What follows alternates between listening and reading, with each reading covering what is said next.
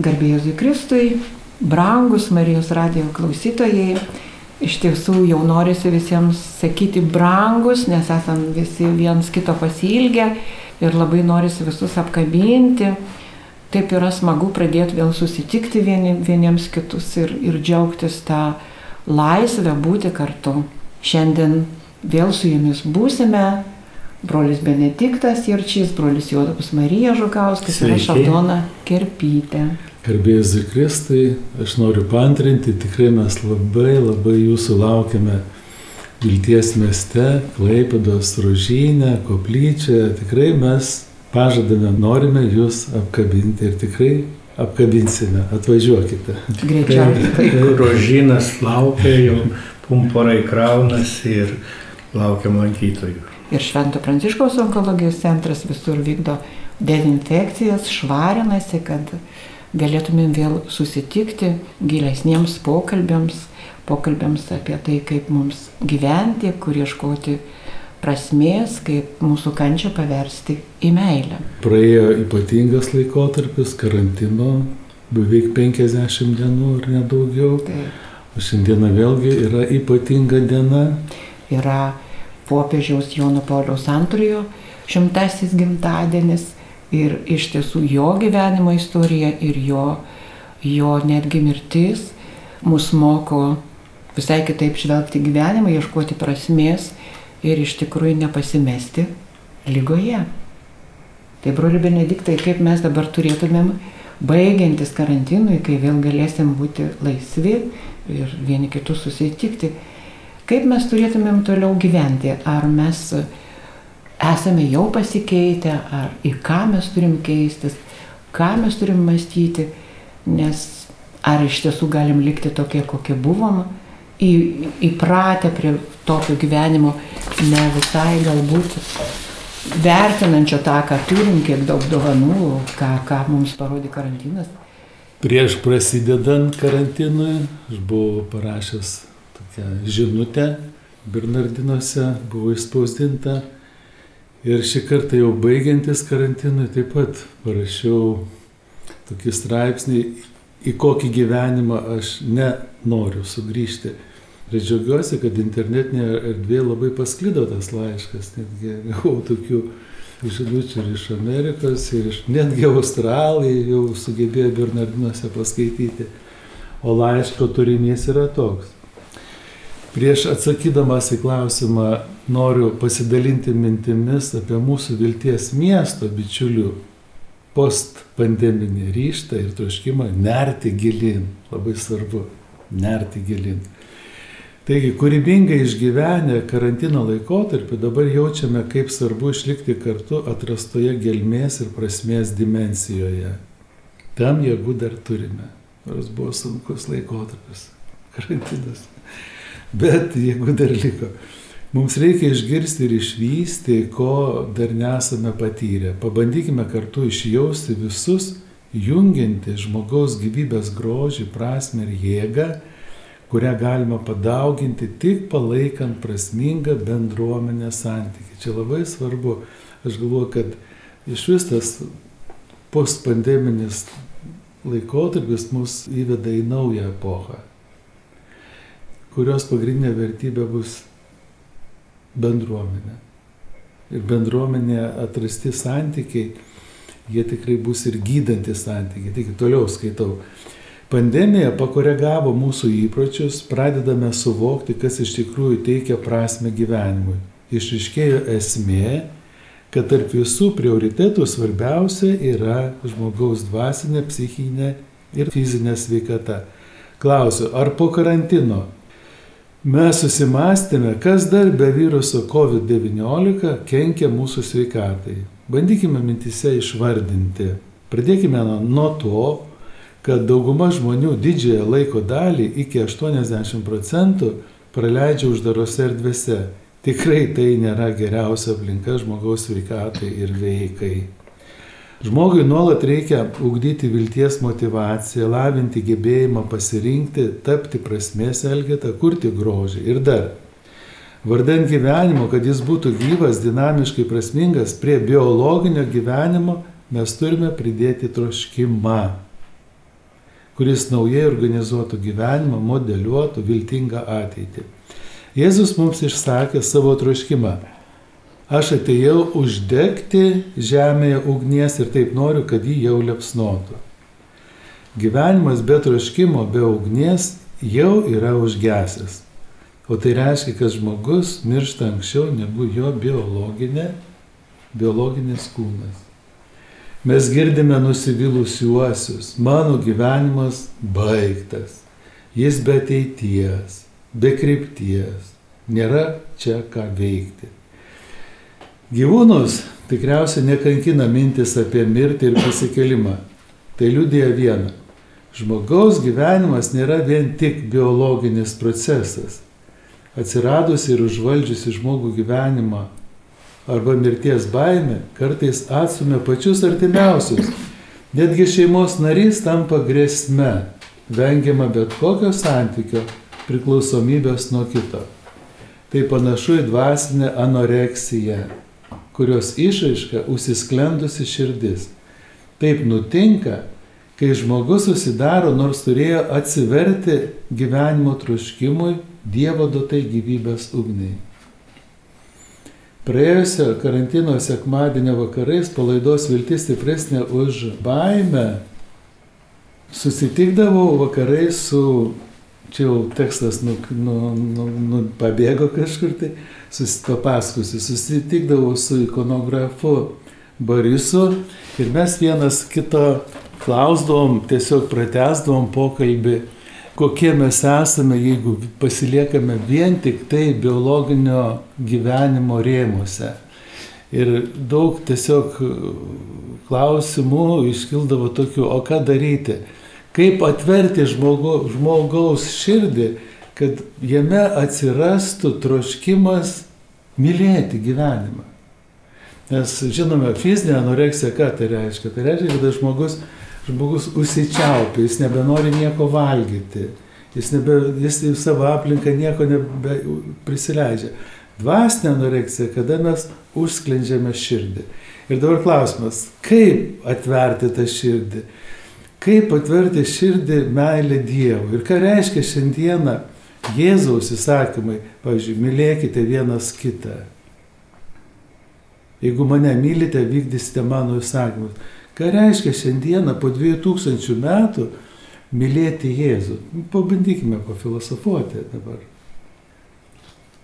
Na, vis tiek filosofija daugiau galbūt lieka mūsų tokia proto ligmenyje, bet krikščionybė tuo ir skiriasi nuo kitų, nuo graikų religijų, kad vis tik nukeliavo į tą mūsų žemišką lygmenį, kaip ir Dievas iš tos tokios abstrakčios idėjos jis tampa žmogumi ir savo kojų liečia tas pačias žemės dulkes, ateina į šeimas, ateina pa žmonės, kurie gyvena jų aplinką, tai ir krikščionybėje ta Dievo meilė yra labai konkreti, pasireiškia per buvimą kartu su tuo žmogumi, dalinimusi to savo gyvenimu, dalinimusi tą kasdienybę ir mylėti Dievą, tai ir Jėzus yra sakė, mylėti tą artimą, pasitarnauti artimui.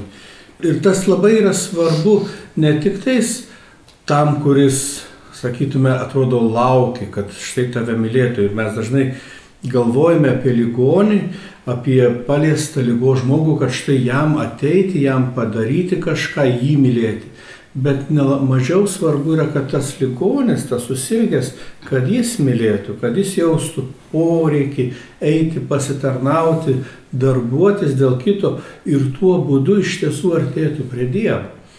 Nes tas yra labai svarbu ir tas mūsų centras, aš manau, yra ta vieta, kur susirgęs žmogus visų pirma, ne tik tais, kad taip yra tas pirminis dalykas, jis gauna pagalbą, bet jis pradeda sveikti tada, kada jis eina ir teikia pagalbą kitam. Bet sunkioje lygus padėtyje, kai žmonės sako, va, ten man metastatis išplito į visą organizmą, man ten kraujojo žaizdos, manyje jau atsiranda kvapas, puvimas. Ir kokia viso šito prasmė ir kur yra tas mane pamiršęs Dievas.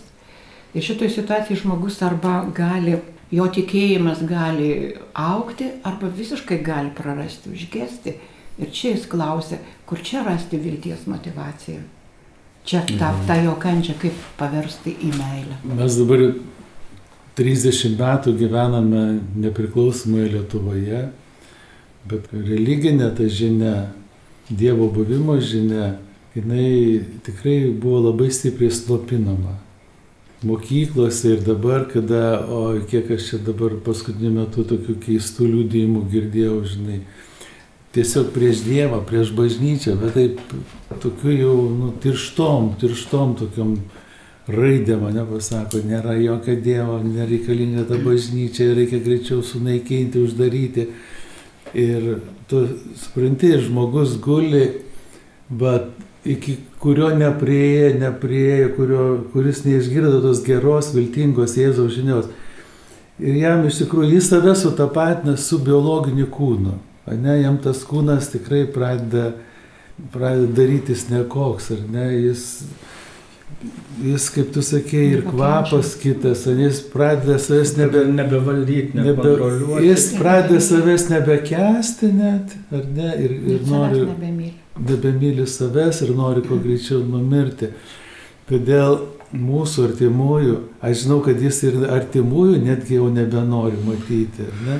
Užsidaro, Užsidaro, ta, kai, kai, kai čia aš pavartojau tą terminą, reiškia dvasinė anoreksija susidaro netgi, netgi, Netgi nuo meilės užsidaro. užsidaro Jis, nuo ne, jis įsivaizduoja, kad leisdamas artimą prie savęs, jis atneša jam kančią, atneša naštą ir jis net neleidžia, kad tas artimas parodytų jam meilę.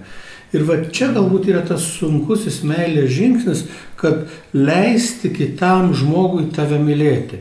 Iš tiesų priimti tą nusižemės poziciją, taip aš galbūt nekaip atrodau, taip gal nėra pats maloniausias momentas su manimi bendrauti, bet jeigu va, turėtum tą minties šuolį, o jeigu tai atsitiktų su mano mylimu žmogumi, kaip aš jausčiaus, kad tas mylimas žmogus manęs neprisileistų.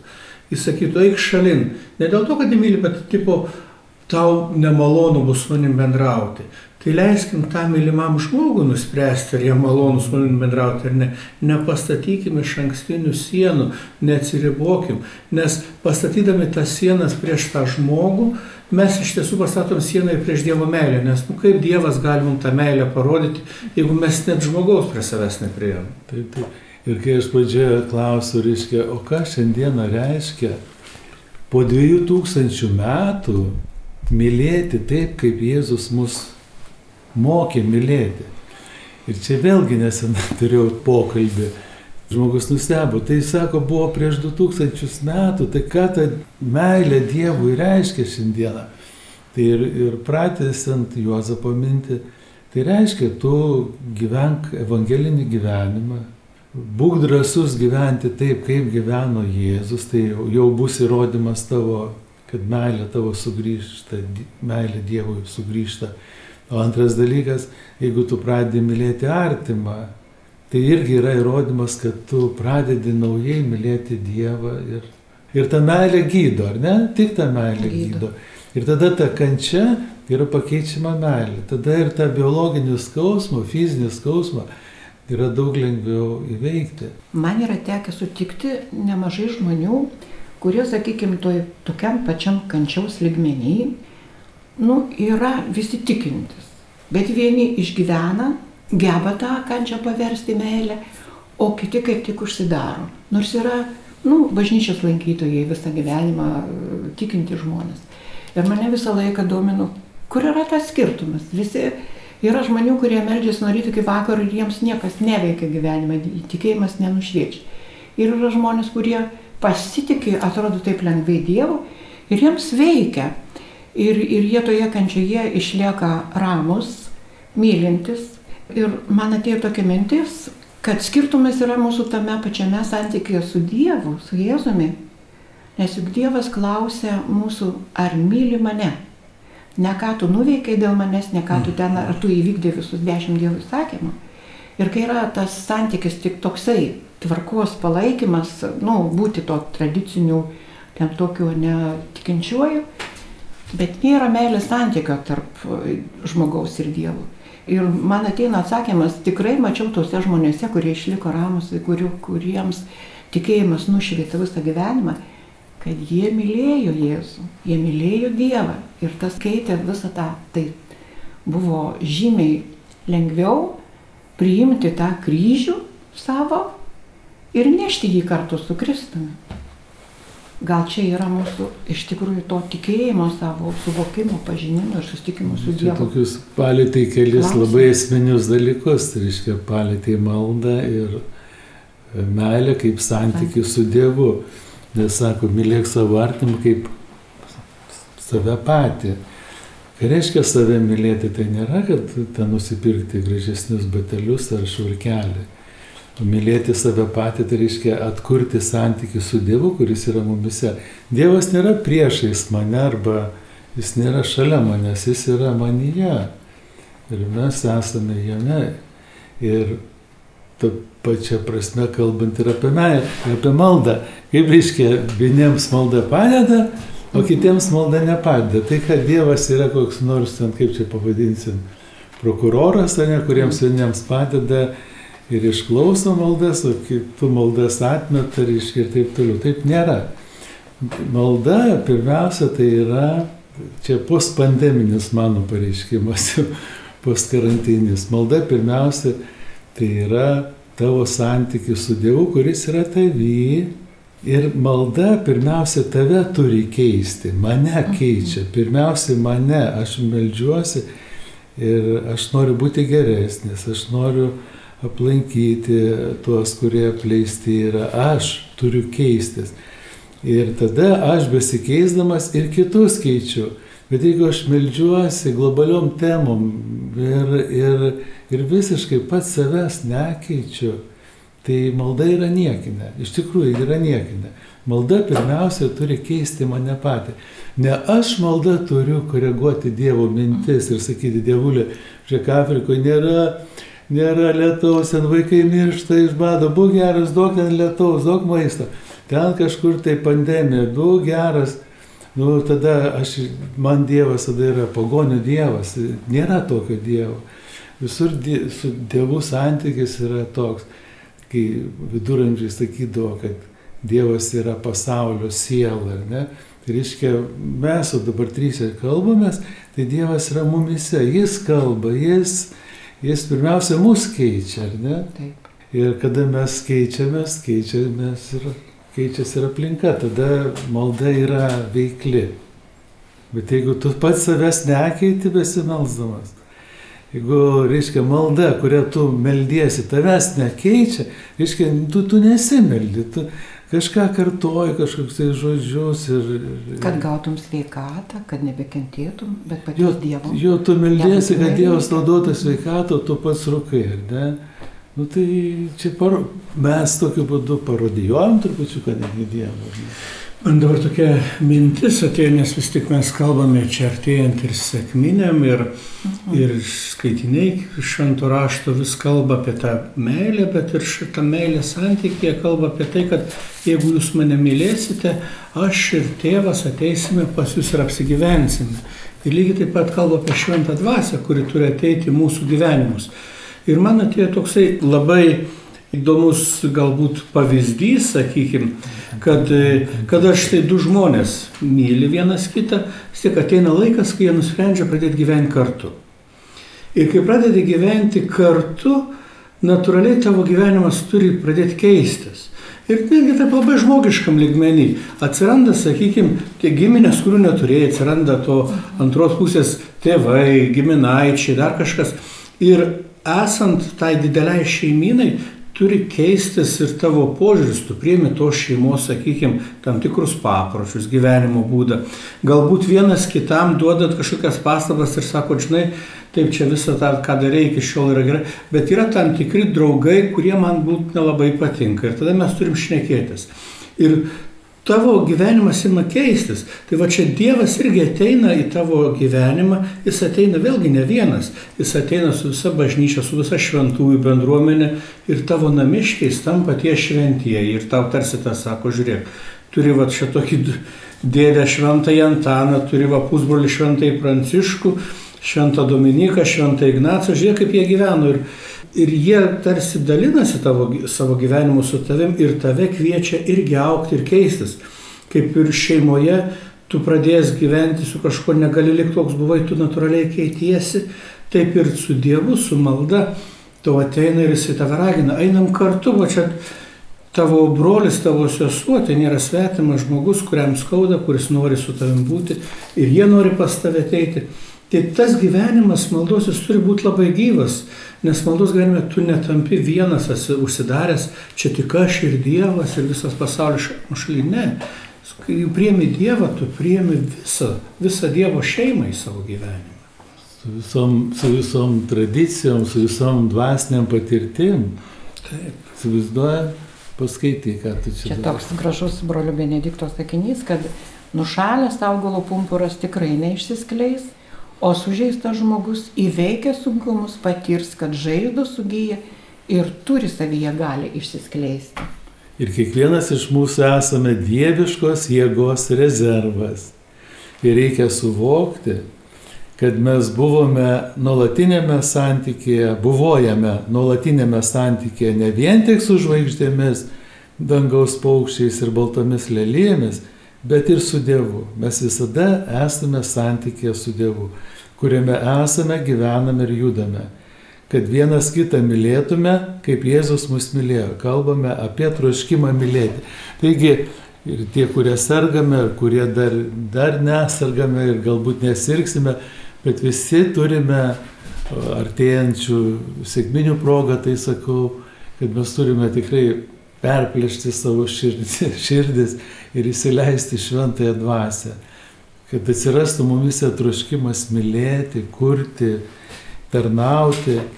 Ir tik tai taip dar noriu pasakyti, mes štai kokie mes iš tikrųjų esame galingi, jeigu suvokiame tą dieviškos jėgos rezervą savyje. Bet tuo pačiu esame ir skirtingi, kadangi esame visiškai, visiškai nepanašus visi. Ir tai, ir tai yra mūsų jėga ir turtas. Ir tegu mus jungia tai, kas skiria, nes skirtumai iš tikrųjų praturtina. Aš kitą tekstą parašiau, reiškia, viena šeima paskambino ir sako, mes su vyru taip tau norime padėkoti, tiesiog vakar paskambino. Sako, taip norim padėkoti, mes visą laiką kalbėjome, kad pas tarp mūsų nėra nieko bendro, reiškia, reiškia, mes tokie skirtingi. Ir sako, perskaitėm, nu, draugai atsintė paskaityti tą tekstą. Sako, Dieve, tu mano, tie skirtumai mus turi jungti. Tai padėkoju, suprantate, už vieną sakinį. Bet Kaip ir lyga, pavyzdžiui, vėžys šiuo atveju irgi nėra visa tavo, nu, visas tavo gyvenimas, čia yra tik tavo gyvenimo dalis. Ir tu neturi joje pamiršti viso, kas dar yra tavo gyvenime ir tavo artimieji, ir tavo tikėjimas, ir tavo viltis, ir tavo to gyvenimo prasme. Kad ir kiek ten, sakykime, būtų dar to gyvenimo, kad ir paskutinės minutės, tai būtent tai yra tas laikas, kuriame tavo gyvenimas gali virsti meilę.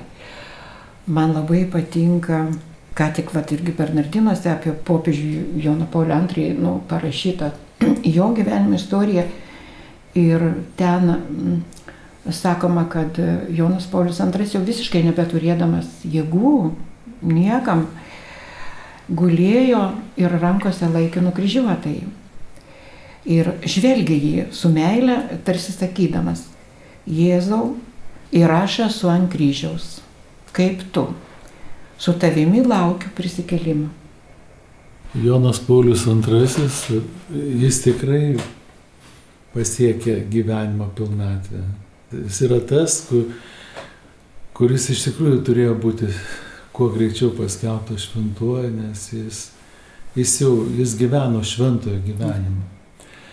Aš prisimenu, kai dar buvau nunciatūroje, nunciatūros darbuotojas paskutinės vakarienės metu, kai jis, aš sėdėjau jo kairėje, kai jis mane apkabino, aš iki pat dabar Jaučiu jau, tą ranką jaučiu tą ranką ant pėties, bet ne tai, kad jinai, žinai, čia, jinai mane slėgtų, ne, bet tą ranką kaip trečią ranką, žinai.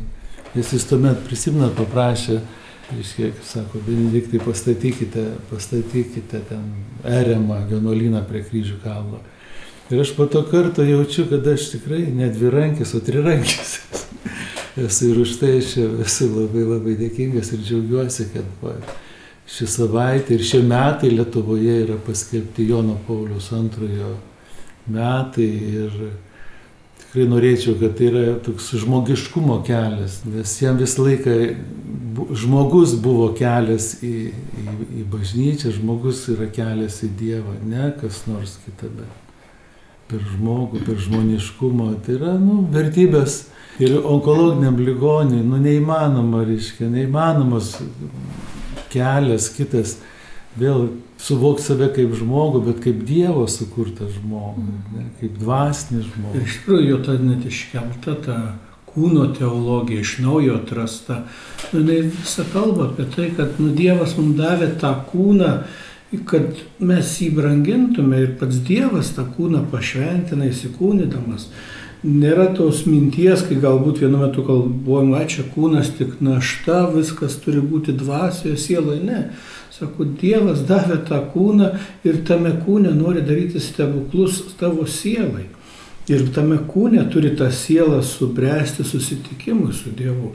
Ir be to kūno ta siela nu nepasiruoš netgi išvysti viešpatės veido. Tai tas yra labai svarbu ir, ir galbūt ta lyga, kuri iš naujo atkreipia dėmesį tą mūsų kūną, jo trapumą, duoda tokią, na ir akstina, kad pasižiūrėkit, kas čia vyksta, kaip, kaip jūs gyvenat ir kaip galite vat, tą kūno kančią, kūno vargą paversti į dvasios ir sielos džiaugsmą, šviesą.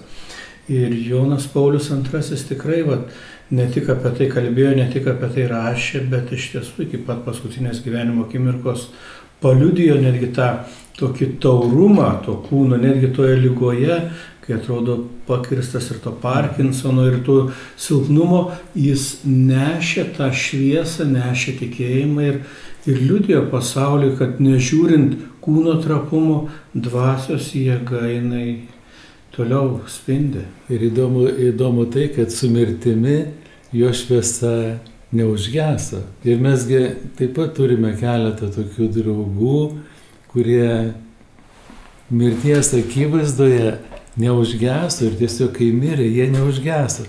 Ir aš noriu pasakyti, kad mes iš tikrųjų vienas kitame esame kaip, kaip švieso šaltiniai. Ir reikia viską daryti, kad tikrai, kad neužgestume. Ir ne, kaip pagalvojate, nuostabų žmonės, su kuriais buvo malonė susitikti čia onko centre, kai kurie tikrai iš jų užkeliavę, bet tikrai yra stiprybės, drąsos ir tokio šaltinis mums. Laida jau eina į pabaigą ir aš norėčiau tiesiog, kad visi pamastytumėt, ar tikrai myliu Dievą. Ką atsakytumėte į klausimą, jeigu Jėzus šiandien jūsų paklaustų, ar myli mane? Mhm. Tikrai. Ir dar daugiau šios savaitės, visų praėjusios savaitės skaitiniais, Jėzus daug mums nėra įsakęs, bet vieną įsakymą plik sako, jums jis tai sakau, mylėkite vienas kitą. Ir paskui sakė, iš to visi atpažins, kad esate mano mokiniai, jei mylėsite vienas kitą. Ir tai yra raktas į gyvenimą, į tikrą žmogaus gyvenimą, meilę. Mylėkime vieni kitus. Ir tai yra ženklas, kad mes mylime Dievą. Dėkuoju visiems klausiusiems šią laidą. Buvo gera su jumis susitikti. Čia buvo laida Dievas gydo.